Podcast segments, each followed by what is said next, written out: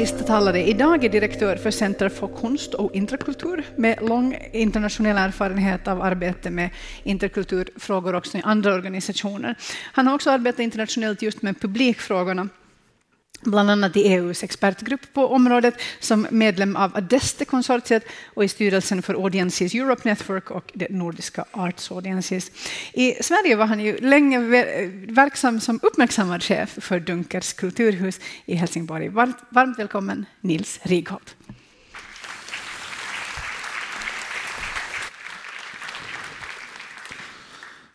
Hej. Tusen tack för invitationen till att komma hit och eh, prata lite om hur jag upplever från min position på CKI som är förkortningen för Center för konst och interkultur i Köpenhamn och hur jag upplever det med den här dansk-svenska bakgrunden och ett ständigt nordiskt fokus. Jag har haft privilegiet att eh, skriva en artikel i boken som var en sorts reflektion efter att ha läst alla de andra artiklarna i boken. Och mitt inlägg idag kommer ganska mycket att handla om vad är vi? Hur ser publikutvecklingen egentligen ut? Vad är det som sätter de yttre ramarna för den? Vad är det som egentligen påverkar kulturen och kulturens förutsättningar? Och hur skiljer sig Skandinavien för det arbete som, som pågår i resten av Europa? På många sätt så kan man ju säga att det här är vi. Vi representerar en, tycker vi i alla fall själv, en enorm mångfald av uttryck, av erfarenheter, av möjligheter, av kontakter, av samarbeten, av relationer. Och frågan är, varför ser de det inte, publiken? Varför kommer de inte bara? Varför kommer de där andra sju segmenten som Andrew pratade om inte bara till den åttonde och gör allting så oändligt mycket lättare för oss? Och det gör de ju inte för att vi är inte entydiga, vi är inte homogena. Vi är egentligen extremt mångfaldiga. Och mångfalden går på tvärs av i princip allting. Religiös övertygelse, sexuell läggning, etnicitet. Det är också performativ mångfald. Det är, det är ett åldersmångfald, det är ett geografisk mångfald. Vi är inte homogena. Inte ens om vi tycker att vi är övervägande socialdemokratisk, protestantisk uppväxta danska i provinsen så är inte vi speciellt heller mångfaldiga eller entydiga. Vi, vi, vi är olika. Men allra först så måste vi kanske börja med att narrow it down. Se, vad är det som, hur ser det egentligen ut? Jag vet inte hur många av er som har en sån här, men rent statistiskt är det 92 procent av alla svenskar som har en sån, så sannolikheten för att ni har en smartphone är rätt stor. Och varje morgon när jag vaknar, förutom väckarklockan, så eh, kan jag se på min lilla app från SVT eller på min lilla app från danska TV2 eller min lilla app från DR vad president Trump har twittrat. För någonstans så börjar min dag med honom. Han är där. Oavsett om jag gillar honom eller inte gillar honom så är han där. Och han anklagar till höger och vänster hela världen för fake news. Och sen producerar hans egna vänner massor med fake news. This is a big thing i Danmark just nu för att Fox News gjorde jämföringen mellan Danmark och Venezuela förra veckan. So something's really rotten in Denmark. Everybody doesn't finish their education and all they want to do is cupcake cafes. Så alternativa sanningar är där. Potus har satt en standard. Och det intressanta är ju naturligtvis att Potus har inte bara satt en standard i USA. Han har också satt en standard för hur vi rapporterar vad han säger, hur vi rapporterar vad politiker säger, hur meningsutväxlingen ser ut, hur den kommunikativa debatten ser ut. Och I England pratar de om att politiseringen av media som man ser i USA kanske till och med börjar komma till Storbritannien och Europa. England. Ja, just det. Det är det också hela tiden. They are on that specific road. Brexit Brexit? No, no Brexit. Vi vill ha en re-election. Vill vi? Vad betyder Brexit? Blir det en hard Brexit? EU-politikerna, där jag de jag träffar de är jätteoroliga. Så, ah, vi vågar inte riktigt säga någonting om hur kultur och utbildningsbudgeten kommer att se ut i den nästa femårsplanen, för vi vet inte vad effekten av Brexit blir. Jaha, då vet vi inte heller hur vilken storlek stödföranstaltningarna till kultursektorn kommer att få. Allt det här påverkar oss. Lite närmare så påverkar den nya nationalismen oss. Den som är överallt. Om det är Jimmy Åkesson, eller om det är Siv Jensen i Norge, eller om det är Christian Thulesen Dahl, eller om det är de nya demokraterna eller Nordisk motståndsrörelse, eller vem det nu än är som är där, så pushar de the limits för vad det är för ett samtal vi har med varandra, hur det politiska klimatet ser ut. Jag var nyligen i Warszawa och såg en teaterföreställning där jag var tvungen att gå igenom en säkerhetskontroll precis som på flygplatsen. Och bredvid scenen stod det två k-pistbeväpnade vakter och tittade ut mot publiken. Och jag satt med känslan, skyddar de oss? Eller övervakar de oss? Är jag bevakad? Och är jag egentligen inte riktigt välkommen? Får den här pjäsen som jag ser kanske inte ens spelas men blir accepterad därför att just det, Polen är ett EU-land. Och det är ändå, gränsen är inte pushat så långt att man bara kan stänga ett teater som spelar obekväma föreställningar. Den nya nationalismen har också pushat gränserna för hur vi pratar om konsten. Hur konsten och kulturen tar sig ut. Den försvinnande lilla delen av vår BNP, av vår budget, nationella budget, har blivit the battlefield för värderingspolitiken. Vi pratar om kulturarvet. Ja, ah, vi ska stöta, säger Dansk Folkeparti. Vi ska stöta saker som liksom förtäller berättelsen, styrka berättelsen om vem vi är som danskar. Jaha, tänker jag som är kulturhistoriker. Det har aldrig varit entydigt.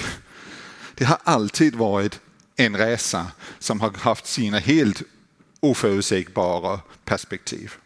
För bara 150 år sedan var Danmark ju till exempel ett multinationellt samhälle där en tredjedel av befolkningen pratade tyska.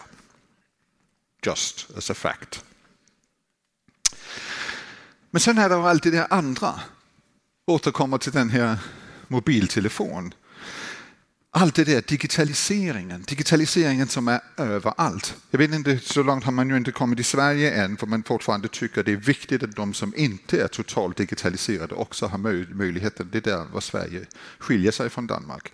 Man är fortfarande ett klassiskt välfärdssamhälle, det vill säga man ser till att få, få alla med. I Danmark säger man bara, ah, från och med 1 januari 2016 då är även celldeklarationen digital, oavsett om du har en smartphone eller inte. Men digitaliseringen av våra samhällen påverkar också i princip allt vad vi gör. Vi gör inte trycksaker längre. Att vi har en tryckt bok är helt fantastiskt. Det är ju old school, det är analogt, det är a step back, men det är också extremt luxuriöst. För egentligen så kommunicerar vi i ett väg ut i det obekanta, ut på nätet, ut i den där världen där det är pull rather than push. Hvorimod böckerna, den klassiska kommunikationssätt. Där pushar vi i förväntningen om att vi har en idé om vem som tar emot. Vi har ändrat våra beteenden, vi har ändrat våra kommunikativa beteenden, vi har ändrat vårt konsumtionsbeteenden. Vi, vi agerar på ett annat sätt och allt det har Andrew på föredömligt vis presenterat. Sen 2015 så har vi också ändrat förståelsen av vem vi är och förståelsen av vem är de andra. I Sverige när man säger nyanlända så får man strax känslan av människor som går på motorvägarna på väg till Sverige. Och effekten av det, oavsett om det är bra eller dåligt, stängda gränser, migrationspolitiken, en helt ny politisk dagordning. Allt det där. I Danmark är bilden lite annorlunda. Men det är där och det är en del av den politiska verkligheten. sen är det urbaniseringen. Urbaniseringen är extremt viktig för kulturpolitiken. Jag kan ta mitt eget exempel från Köpenhamn. Köpenhamn är den stad i Norden som växer femte snabbast. Före Köpenhamn ligger både Stockholm, och Oslo, och Helsinki och Malmö i procent. Men Köpenhamn växer med över 40 000 nya invånare i Storköpenhamn varje år. Eller med Malmös storlek på tio. år. Och I innerkärnan växer man med drygt 18 000 i kommunen och de omgivande tätortskommunerna. Men det är inte danskar som flyttar dit. Över 60 procent av de nyinflyttade är expats. De är unga, de är välutbildade, de är företrädesvis europeer, amerikaner och asiater. Och de kommer med deras jobb. De börjar med att betala skatt från dag ett. Effekten är att var femte storköpenhamnare idag är född utanför Danmark. Effekten är också att genomsnittsåldern har sjunkit till 35. Det vill säga när genomsnittsåldern i huvudstaden är 35 så är det våldsamt många unga. Våldsamt många unga med helt andra prioriteringar, med helt andra värderingar, med helt andra intressen som man bör, måste börja förhålla sig till som kulturinstitution oavsett vilken sorts institution man är. Tittar vi på provinsen så är det samma bild fast i mindre skala i princip alla större städer och det ser precis likadant ut i Sverige. Sen finns det kommuner som är avfolkningskommuner som upplever raka motsatsen. Och där urbaniseringen egentligen urholkar det som i traditionell förstand egentligen har hållit hela infrastrukturen, inte minst den kulturella infrastrukturen, under armarna. Så urbaniseringen, oavsett om man bor i stan eller på landet, om man bor i en tillväxtkommun eller i en avfolkningskommun, har enorm inflytande på hur vi fördelar resurserna och hur den kulturella förutsättningen ska se ut. I Norge har man löst det genom att säga att det ska vara möjligt för alla norrmän att träffa kultur från absolut översta hyllan oavsett var man bor. Det ser staten till att fixa. I Danmark har man delegerat ansvaret till kommunerna. Och I Sverige har man gjort en mellanräkning med regionerna. Det vill säga man har lagt in så att säga ett krokben på en fördelningspolitik som skulle rättfärdiggöra att alla skulle ha lika access to culture, för att använda en EU-term. Sen är det alla de kulturpolitiska, Eh, kulturpolitiska variablerna. Kulturen som en sorts nationell berättelse som placerar oss i en västerländsk kontext där vi förstår hur bra vi är och vem vi är. Det är därför vi bygger balletter, opera, och teaterhus och konserthus i ett väck. Men också föreställningen om att kulturen kanske är den där matrix som gör att vi har en speciell förutsättning för att placera oss lokalt. Eller att det kan vara med Richard Floridas ord en samhällsdriver Även om vi kan komma överens om att Richard Florida är ointressant nu många år efter att han skrev sin bok så är han kulturpolitisk fortfarande på agendan. De här åtta perspektiven bakom mig är perspektiv vi tvättade fram som en del av ett forskningsprojekt vi gjorde för tre år sedan. Och nästan alla politiker från Akershus fylke utanför Oslo, Region Skåne, Aarhus och Aarhus Amt, Region Midtjylland, de har samma föreställning om att de här perspektiven är de viktigaste. Sen kan de rangera dem på olika sätt, men det är de här de återkommer till. Ja, men kulturen är ju ett sånt härligt shit som säkrar att folk som kommer till oss förstår vad demokratiet innebär. Till exempel. Så kulturpolitik handlar om makt och medel naturligtvis. We know that. Det handlar om urbanisering, det handlar om socialpolitik, det handlar om på många sätt att hitta de här rörelserna i samhället som gör att vi bättre kan fördela resurserna. Men där kommer det in någonting. Och det är det förändrade beteendet. Politikerna känner sig faktiskt satt lite skackmatt. Hur ska vi förstå förändrade beteenden bland befolkningen? Vad betyder det? För plötsligt inser de ju att de representerar ett fördelningssätt, ett tankesätt av igår. Men att medborgarna har för längst ändrat sig. De inviterar varandra på social arrangemang på Facebook eller Twitter eller Snapchat om de är under 15 eller kanske till och med under 25. Och det är ett helt annat drive på hur saker fungerar. And the politicians, de är inte där. Så vad gör vi? Hur ser vi till att kulturen rent faktiskt når ut och att vi förstår att de investeringar vi gör är relevanta och intressanta för dem som vi gärna politiskt vill tillfredsställa? Det här har blivit en väldigt het fråga. Inte minst i Danmark där man till exempel just nu idag har ett möte om en ny musikpolitik på kulturmötet på Mors. En ny musikpolitik som ska omfatta hela musikbranschen. Men vem är de? Och vem är konsumenterna? Och har konsumenterna någonting att skulle ha sagt? Hur ser ministern till att medlen fördelas rätt? Och det är klart, det är många intressen. Kulturskolorna har sina intressen, symfoniorkestrarna har sina, de rytmiska spelställen sina, jazzbranschorganisationen sina. Om det sen är riktigt vad Andrew sa, de vet kanske knappast själv vem som har spelat med vem. Säger jag som är gammal jazzmusiker. Så vi vill gärna ha fyllda salonger. Vi vill gärna ha ett starkt, ett starkt engagemang omkring kulturen. Men vi tvekar därför att vi inte riktigt vet vad det innebär. Svensk scenkonst kom för två år sedan fram med den här formuleringen som jag tycker är rätt bra. Med transformationen i samhället kommer förändrade beteenden, attityder, nya perspektiv som påverkar gamla strukturer och det gäller att hänga med om man vill framtidssäkra sin verksamhet. Det jag gillar med den är att den faktiskt indirekt säger kulturinstitutionerna som mottar långt merparten av de statliga, regionala och kommunala beviljningar har kanske ett speciellt ansvar för att hänga med i svängarna. Och samtidigt så kan man sitta på andra sidan som institutionschef och säga I, I know. Men vi är underbemannade, underfinansierade, konstant besparade och omkostningarna växer bara där ute. Det är allt från spillvatten till försäkringsavgifter på nästa gig. Hur fixar vi det här?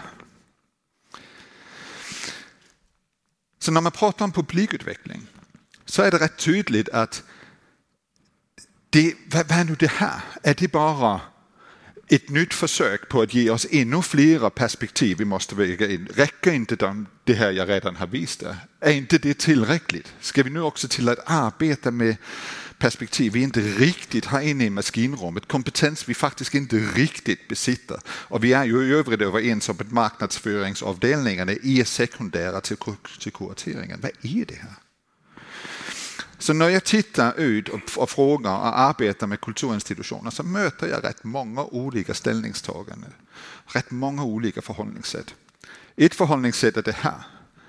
Nej, du vet du vad Nils, du är, jättesnäll, jag gillar dina skor, men kan du inte, alltså, publikutveckling det är superkommersiellt och det är egentligen ett våldsamt övergrepp på kulturens DNA. Nu får det, det, det får faktiskt räcka, tycker vi. Därför att det var en integritet som är på spel. Och det kan vara helt sant om man har en ångest för att publikutvecklingen blir väldigt instrumentell och egentligen bara kommer att handla om nummer, om antal, om siffror. Then it's enough. Men det kan ju också vara så att publikutvecklingen är ett uttryck för att man kan göra de där anpassningarna rätt enkelt. Man kan lägga in det som ett tänk. Man kan ha ett strategiskt tänk omkring hur förhåller vi oss egentligen till alla de här frågorna. Allt ifrån the Donald, Brexit, lokala, regionala, nationella kulturdistributionsförutsättningar, stödförutsättningar, strukturer, debatten etc. Och sen kan det naturligtvis handla om att det bara är precis som Andrew säger. Ja, det är not a perfect tool.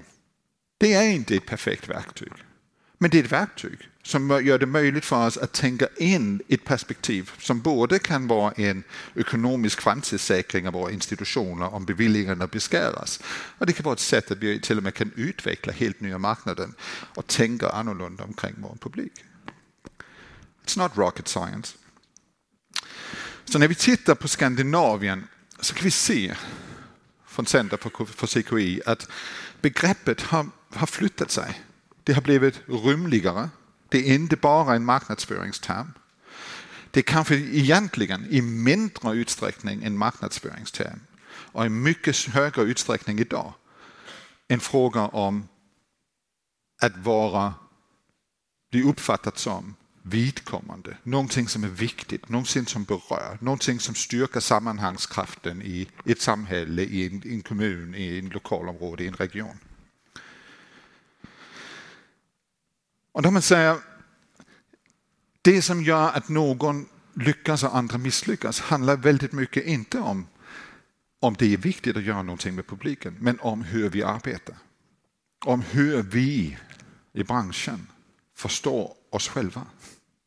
Och vi kan intellektuellt säga att det är jättebra att räcka ut efter nya målgrupper, men om vårt beteende, om vårt sätt att arbeta är bara repetera redan invanda arbetssätt, då räcker inte vi ut. Och det räcker trots de fina eh, affischerna som Andrew visade från The Barbican. Det räcker inte bara med smart kommunikation, vi måste ju mena det på riktigt.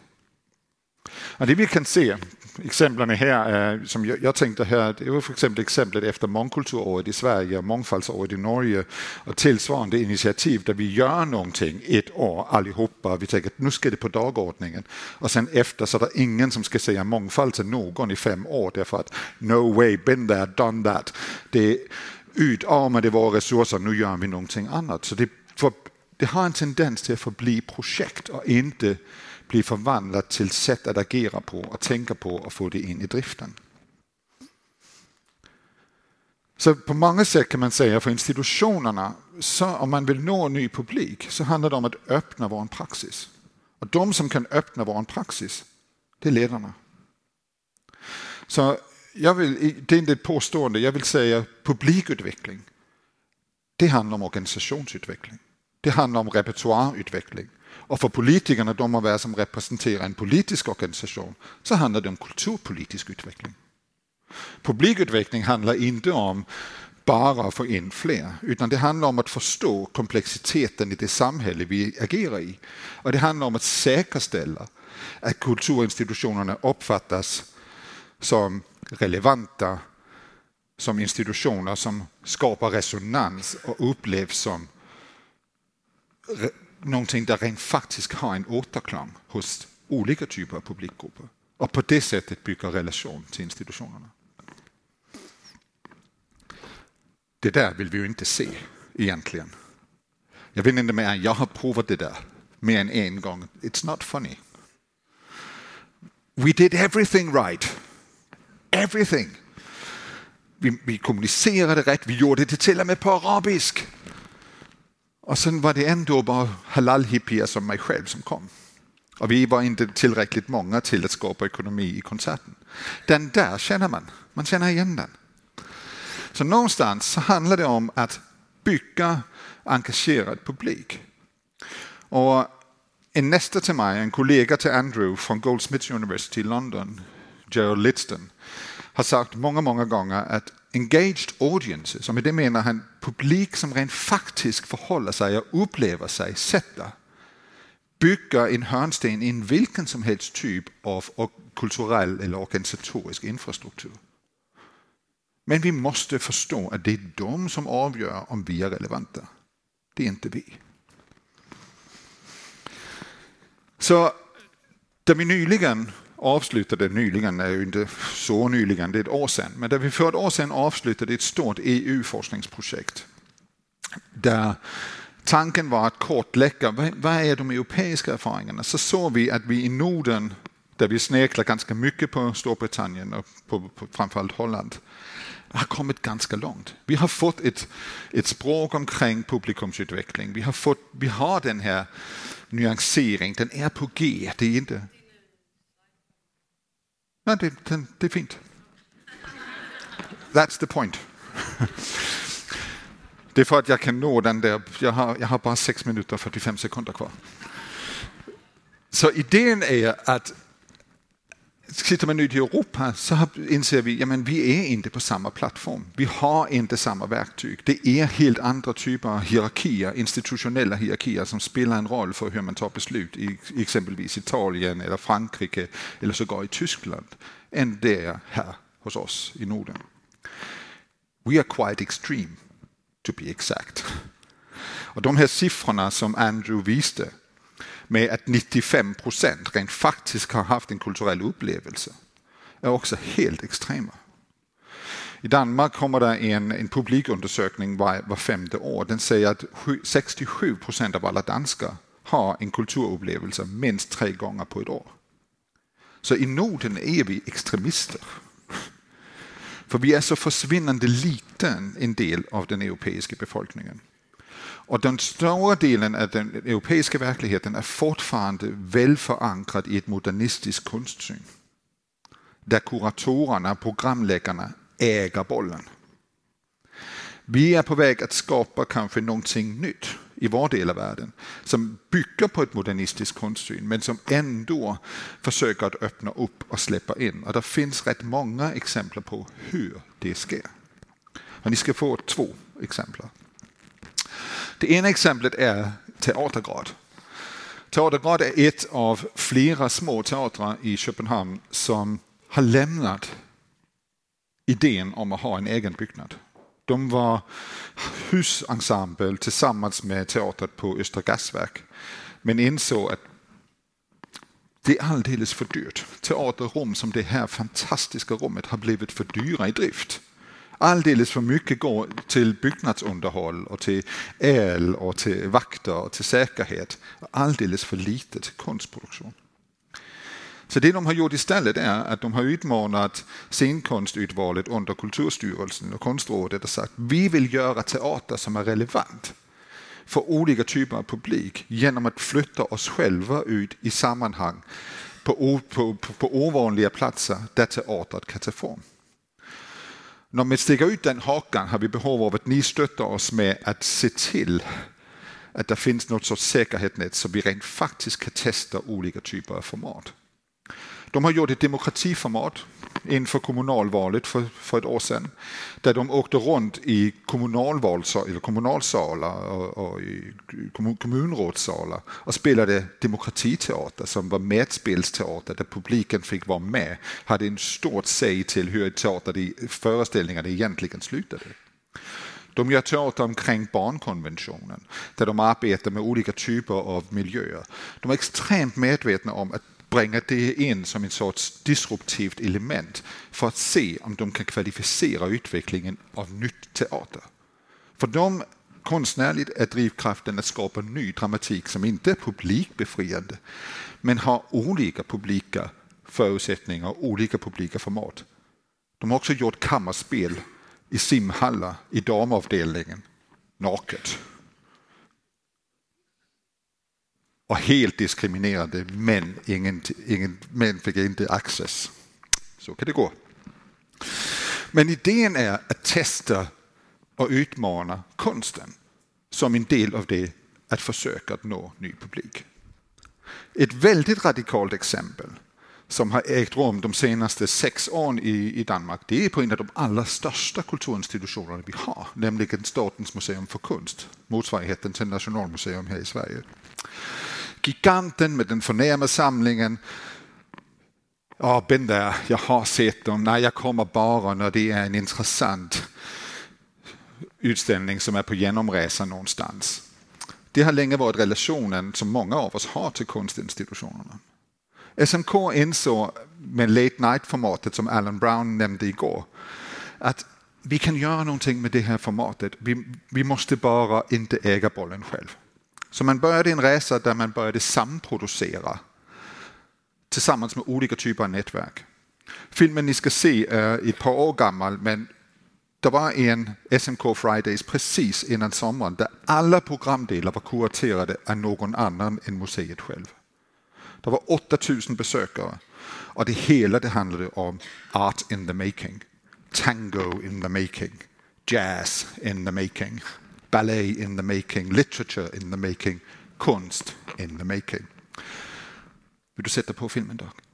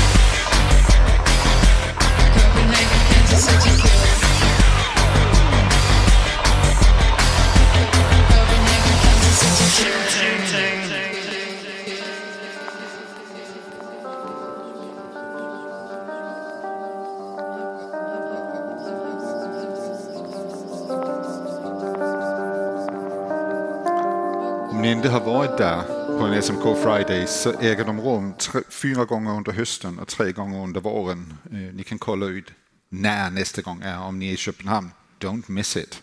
Och det är lite som att gå på stadion, det är en 6 till 8 000 pers varje gång, så det, man, man, är i gott sällskap. Vi vet ju från eh, statistiska undersökningar att över 70 procent av våra kulturupplevelser is in a company with somebody. Så det är ju ingenting vi gör ensamt, det är bara vi, nördarna, som gör det and I'm a nerd. Avslutningsvis, sista sliden. Så jag tycker från min position att det blir tydligare och tydligare att det är institutionens eget ansvar. Det är vårt eget ansvar att skapa ett förhållningssätt där vi vågar testa gränserna.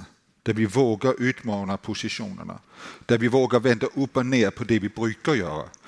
Inte för att tillfredsställa politikerna, men för egentligen själv att äga rätten till att definiera relationen till den publik vi gärna vill nå.